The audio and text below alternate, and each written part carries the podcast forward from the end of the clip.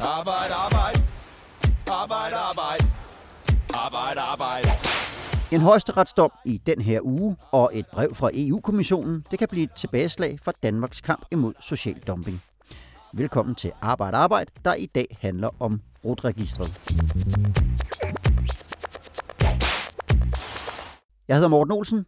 Jeg er vært, og vi optager fredag den 4. december om formiddagen. Og jeg har selvfølgelig også gæster i studiet. Peter Keiding fra Fagbladet 3F. Velkommen til dig. Mange tak. Peter, det er jo ikke nogen hemmelighed, at vi kløder os lidt i håret, da vi planlagde den her podcast, ikke? fordi det skal handle om et register. Og det er jo, det er jo umiddelbart sådan lidt tørt, ikke? Men hvorfor er det, at det her rutregister, det er så vigtigt? Det er fordi, det er et ret afgørende redskab i kampen mod social dumping i Danmark. Det er sådan den helt korte version. Det er den helt korte version, og den øh, korte version, den får vi uddybet meget mere her i løbet af de næste 20 minutters tid. Og vi er så heldige, at vi har en gæst mere med, som er meget klogere end os to, til at sætte et perspektiv på den her sag. Det er dig, Jens Arnholdt.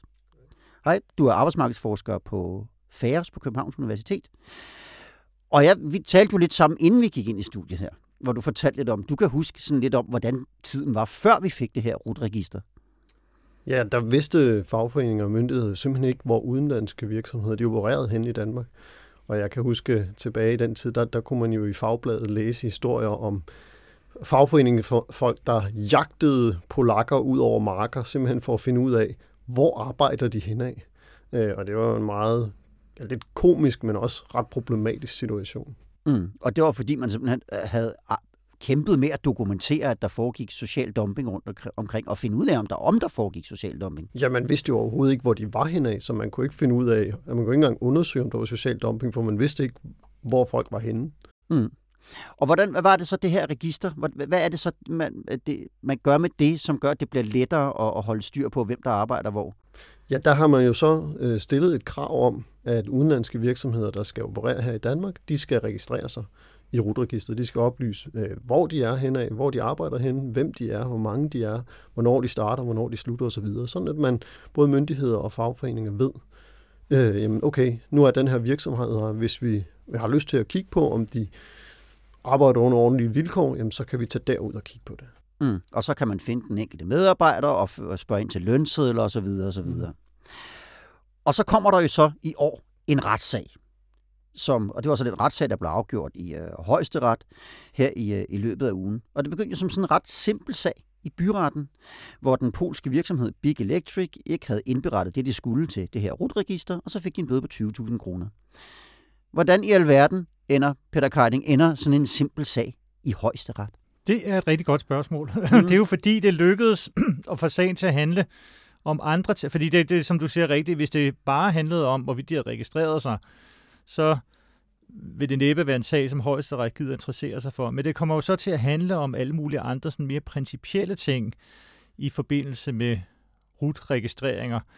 Og det er jo noget med, om det er konkurrenceforvridende, om det er sådan for bøvlet, og om det er for svært at agere som øh, virksomhed, hvis alle mulige andre også har adgang til oplysninger omkring, øh, hvad man laver i Danmark.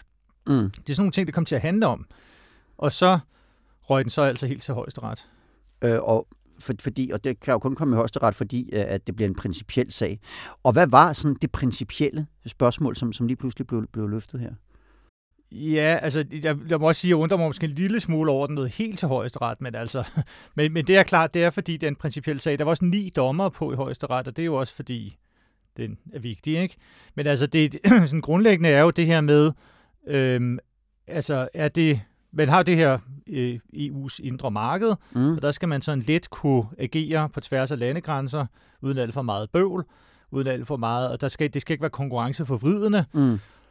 Og så er det det her med, jamen hvis man kan se, eller enhver kan gå ind og se i rutregistret, øh, hvem der øh, laver hvad, hvorhenne, øh, er det så konkurrenceforvridende. Mm. Så det var nogle af de spørgsmål, der var op at vende. Ja. Og hvad, hvad ender dommen så med at være her i højesteret?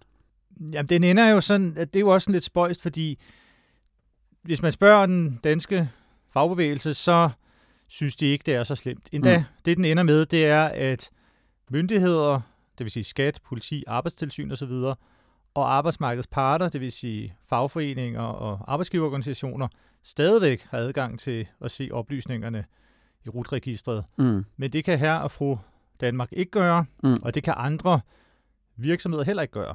Mm. Og sådan har det faktisk været siden 2019, hvor landsretsdommen faldt. Mm. Øhm, der mindskede man, eller der begrænsede man den adgang.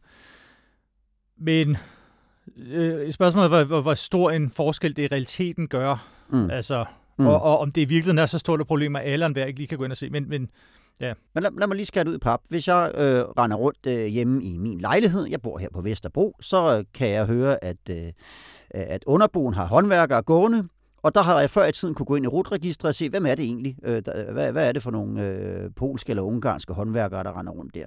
Det vil jeg så fremover ikke kunne mere.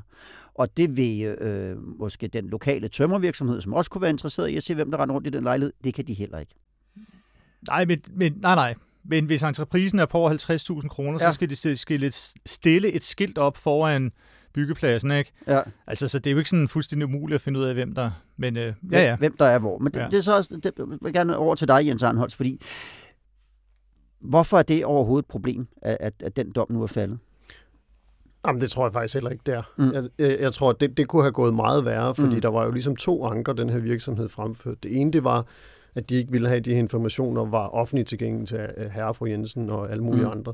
Og det andet, det var jo, at de syntes, det var for administrativt besværligt. Mm. Hvis de havde fået medhold i den sidste ting, Mm. så havde der været store problemer, fordi så havde man faktisk så havde man jo stillet spørgsmålstegn ved, om vi overhovedet kan kræve, at de her virksomheder skal registrere sig. Men der var øh, højesteret meget klar og sagde, mm. det, det er helt okay, at de skal bruge også mange timer på at registrere øh, det her, fordi det, det er nødvendigt for vores kontrolanstalter. Så jeg tror, man kan sige, kun myndighederne og fagbevægelsen er sluppet nådigt i denne her dom, mm. Mm. øh, for, fordi man har beholdt muligheden for, at fagbevægelsen og myndighederne kan få adgang til de her informationer øh, fortsat. Mm. Men øh, hvis man siger, at vi er sluppet noget, det kommer måske ikke til at have den store betydning. Hvorfor er det så alligevel, at, at det er interessant at kigge på, på, på det, den her sag er et udtryk for? Jo, men det er jo fordi, at altså, hvis man sådan kigger på det helt nøgtern, så sagen handler jo i virkeligheden om en virksomhed, der har brudt loven. Øh, og så får de en stor bøde, og så tænker de, hmm, kunne vi undgå den bøde ved øh, måske at anfægte nogle principielle spørgsmål. Man skal huske, at den her virksomhed har haft hundredvis af registreringer, hvor de har bare har fuldt loven. Så det er jo ikke sådan, at de har haft en kæmpe stor principiel modstand mod det. Det er bare glemt det i nogle enkelte tilfælde, og det har de så fået en bøde for. Pludselig gør de til et principielt spørgsmål. Og det ser vi bare rigtig meget, at virksomheder, der ikke overholder vores regler, øh, ikke spiller efter den danske model, eller det gælder i hele Europa, ikke? virksomheder prøver ligesom at smyge sig udenom øh, de forskellige systemer, der er. Måske fordi de ikke forstår dem, måske fordi at de synes, det er besværligt og så videre. Ikke? Og det er jo derfor, at det er sådan ligesom et udtryk mere generelt for, at her er altså en virksomhed, der slipper for at betale en bøde for at have begået en ulovlighed, fordi de kan hæve det sådan et principielt spørgsmål omkring øh, konkurrenceforvridning i forhold til EU-retten. Mm. Og er det sådan en tendens, vi ser i virkeligheden både i Danmark og flere andre steder, der, der, der, der foregår øh, små sager hele tiden, som, som, som hele tiden prøver at, at rykke ved de her grænser? Ja, det, det er en, en pågående tendens. Jeg har lige udgivet en bog sammen med en masse internationale kollegaer, og vi kan simpelthen registrere over hele Vesteuropa. Der pågår der sådan nogle processer her, hvor, hvor virksomheder på den ene eller den anden måde forsøger at komme udenom om de regelsæt, der gælder i det land, de opererer i, ved at, at trække på EU-retten og sige, at det kan jo ikke passe, det er jo konkurrenceforvridende. Og nogle gange så, så lykkes det dem ikke, og andre gange så lykkedes det dem, og så flytter det ligesom lidt en hegnspæl for, hvad må vi så gøre øh, i, i vores system? Mm. Så, og det kan være en masse små skridt i den retning, som, som gør, at vores system om, hvad ved jeg, 10, 20, 30 år ikke ligner det, vi har i dag. Ja, altså man kan sige, at hver gang vi får lov til at fortsætte, så, så er der ikke den store forskel. Men hver gang vi får en lille begrænsning, så, så, han, så, så begrænser det vores handlerum en lille smule. Øh, og, og det kan så være det smuthul, som nogle virksomheder senere hen kan finde på at bruge. Mm.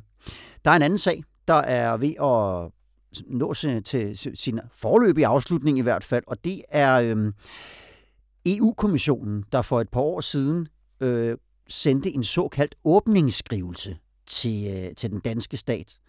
Også, der også handlede om det her rutregister. Og, og kan du ikke lige prøve først, i første omgang, øh, øh, Jens Arnsholt, at forklare os, hvad, hvad er en åbningsskrivelse? Når man får en åbningsskrivelse fra EU-kommissionen, hvad går det ud på?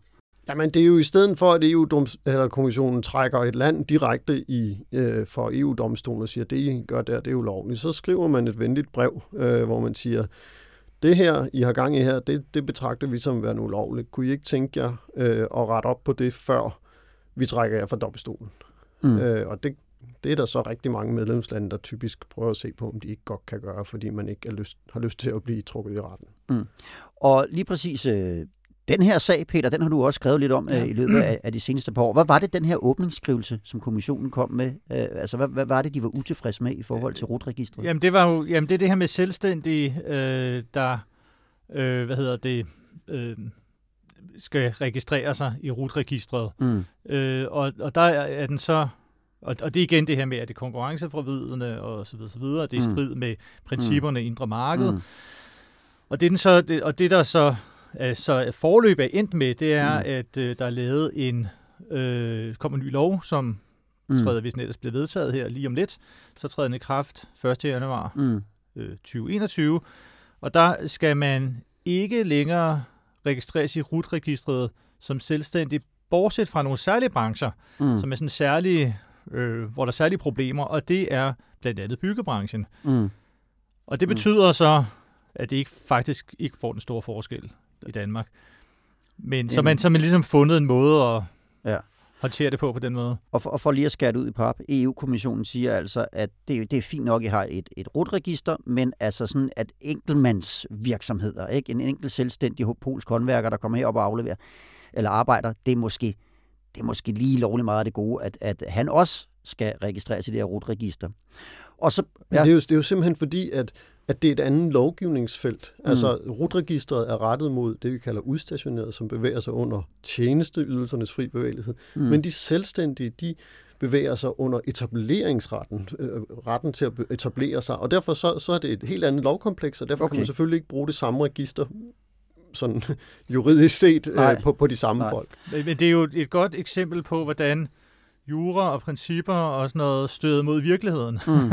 Fordi mm. virkeligheden, hvis man har været på dansk byggeplads, og der har været nogle østeuropæiske arbejdere, så er der en ret stor sandsynlighed for, at man har mødt nogle af det, man kalder falske selvstændige, eller mm. arme ben firmaer. Og det vil mm. for eksempel sige, at man har et mursjak, mm. så er der, øh, jeg, jeg, Jens fortalte mig, at der var op til 16, øh, det, det, det, det, altså, vi har, vi har set op til 16, var det murer, der stod? Øh, ja, det ved, det, ved det ved vi ikke. Nå, altså. men Pol, men i hvert fald nogle, nogle, nogle øh, så, altså, der var registreret 16 enkeltmandsvirksomheder på den samme adresse, mm. øh, som skulle lave det samme. Ikke? Og det, vil, det er jo sandsynligheden for, at de, de reelt udfører sådan forskellige opgaver. Nok ikke stor, de arbejder nok realiteten i en eller anden form for chak, mm. og har nok en leder, en mm. chef, lokal chef. Mm. Ikke?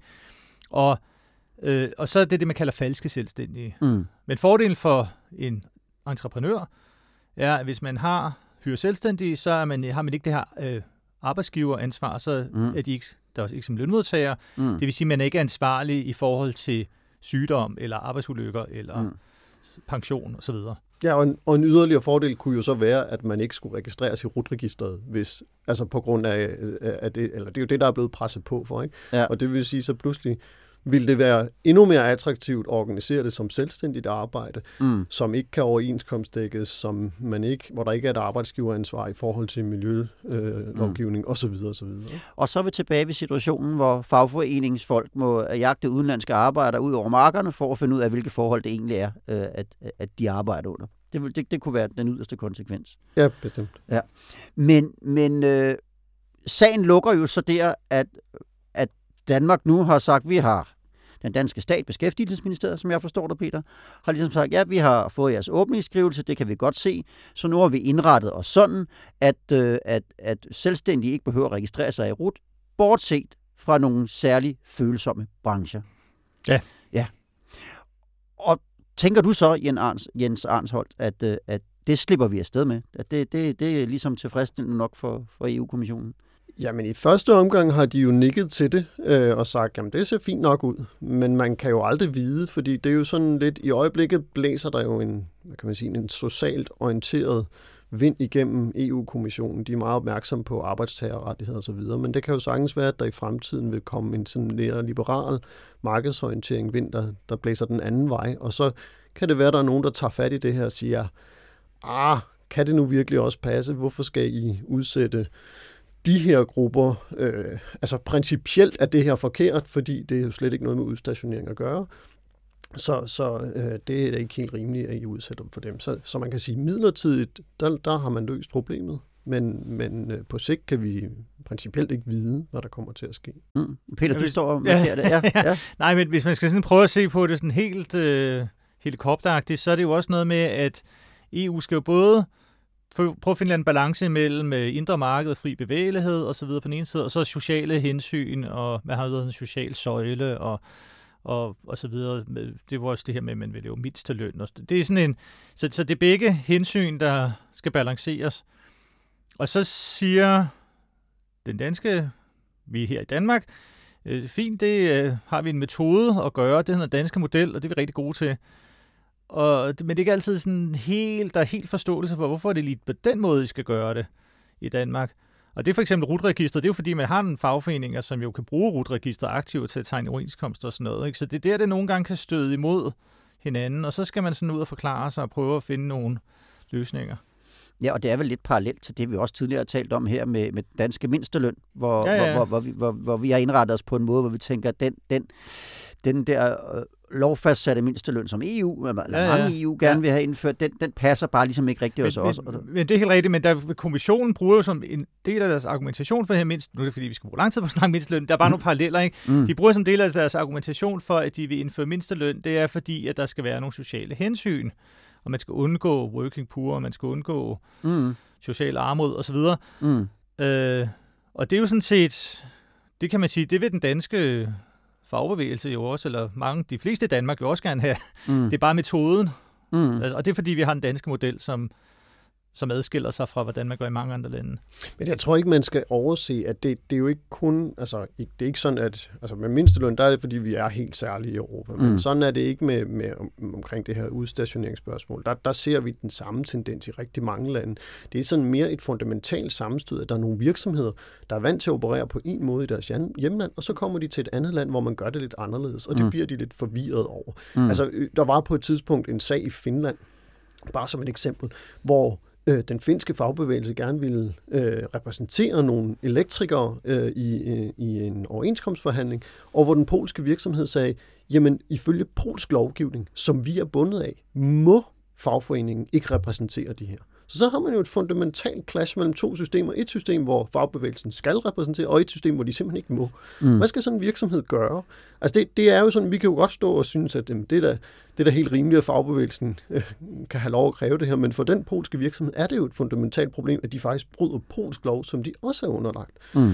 Og, og på den måde, så er der sådan nogle ting her, hvor, hvor det ikke er helt nemt, Mm. fordi at det er en virksomhed, der oplever, hov, det her, det, det gør det virkelig besværligt, at jeg skal registrere mig i rutregisteret, at med mine konkurrenter kan se, hvor jeg opererer, og jeg skal gøre alle de her ting. Ikke? Så, så der er jo sådan en hele tiden pågående Mm. balance. Mm. Men set fra et dansk perspektiv, er det bare sådan, at vores manøvrerum hele tiden bliver en lille smule indsnævret. Vi får, mm. får sværere og sværere ved at, at, at gøre noget, der er effektivt i kampen mod social dumping. Mm. Og derfor er de her små skridt, vi har stået og talt om her, der, der ligesom går, går i retning af også at, at, at, at stikke rutregistret, de, de, de bliver bare vigtige sådan i, i det store billede. Ja, det er jo derfor, for at vende tilbage til der, hvor du startede, altså Mm. det lyder lidt tørt og lidt kedeligt med det Mm. her register, men, men det er en del af en proces, som jeg tror rigtig mange egentlig synes er vigtig, nemlig hvordan sikrer vi, at vores arbejdsmarked fortsat er et, hvor man har ordnede vilkår, ikke bare for danske arbejdstager, men faktisk også for de udenlandske arbejdstager, der efterhånden jo er en ret betydelig del af på vores arbejdsmarked.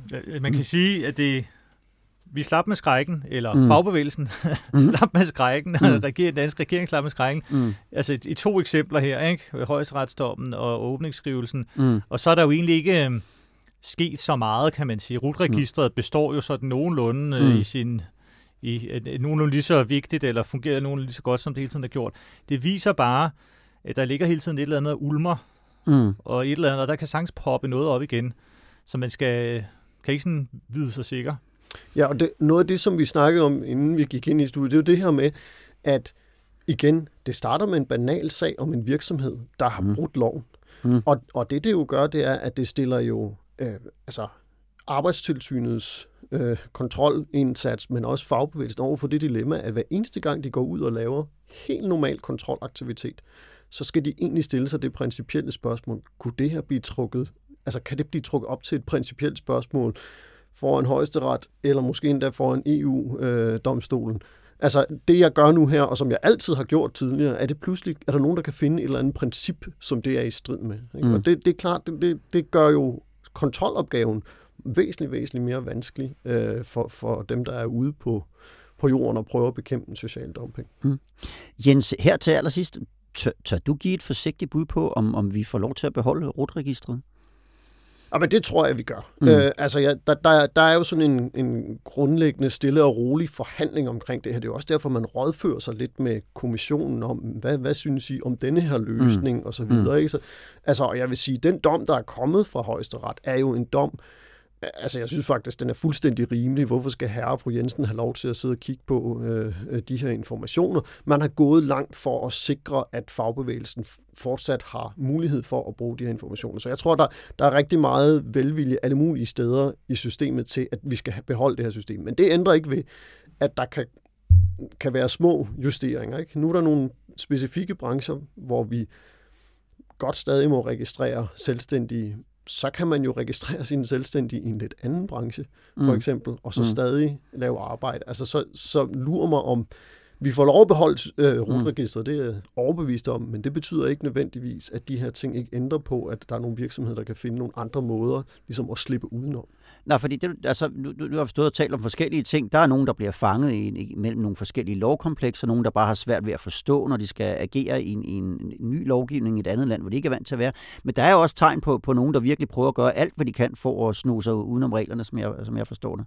Ja, altså det, det synes jeg godt, man kan tillade sig at sige. Ikke? Vi, vi ved jo, at øh, der på et tidspunkt, at da rutregistreringen øh, gik i gang og blev meget effektiv øh, kontrolredskab, så var der faktisk mange virksomheder, der begyndte at registrere sig som danske virksomheder i stedet for, at simpelthen for at undgå den kontrolindsats. Ikke? Mm. Øh, og, og vi ved jo også, altså, som det eksempel Peter nævnte før, altså, at der er folk, der pludselig begynder at registrere sig som selvstændige, øh, eller registrere sig en gang, dag ad gangen simpelthen. Simpelthen en dag dag for dag registrere sig, sådan at opgaven ikke ser særlig stor ud, så der ikke kommer nogen kontrol. Altså, så, så der er masser af sådan finder, der er ongoing, hvis man kan sige det sådan. Og med de ord, så vil jeg gerne sige tak til jer begge to, fordi I kom her i dag. Selv tak. Selv tak. Og til jer, der lyttede med. Ha' det godt, til vi høres ved igen. Arbejde, arbejde. Arbejde, arbejde. Arbejde, arbejde. Arbejde, arbejde. Arbejde, arbejde. Arbejde, arbejde. Arbejde, arbejde.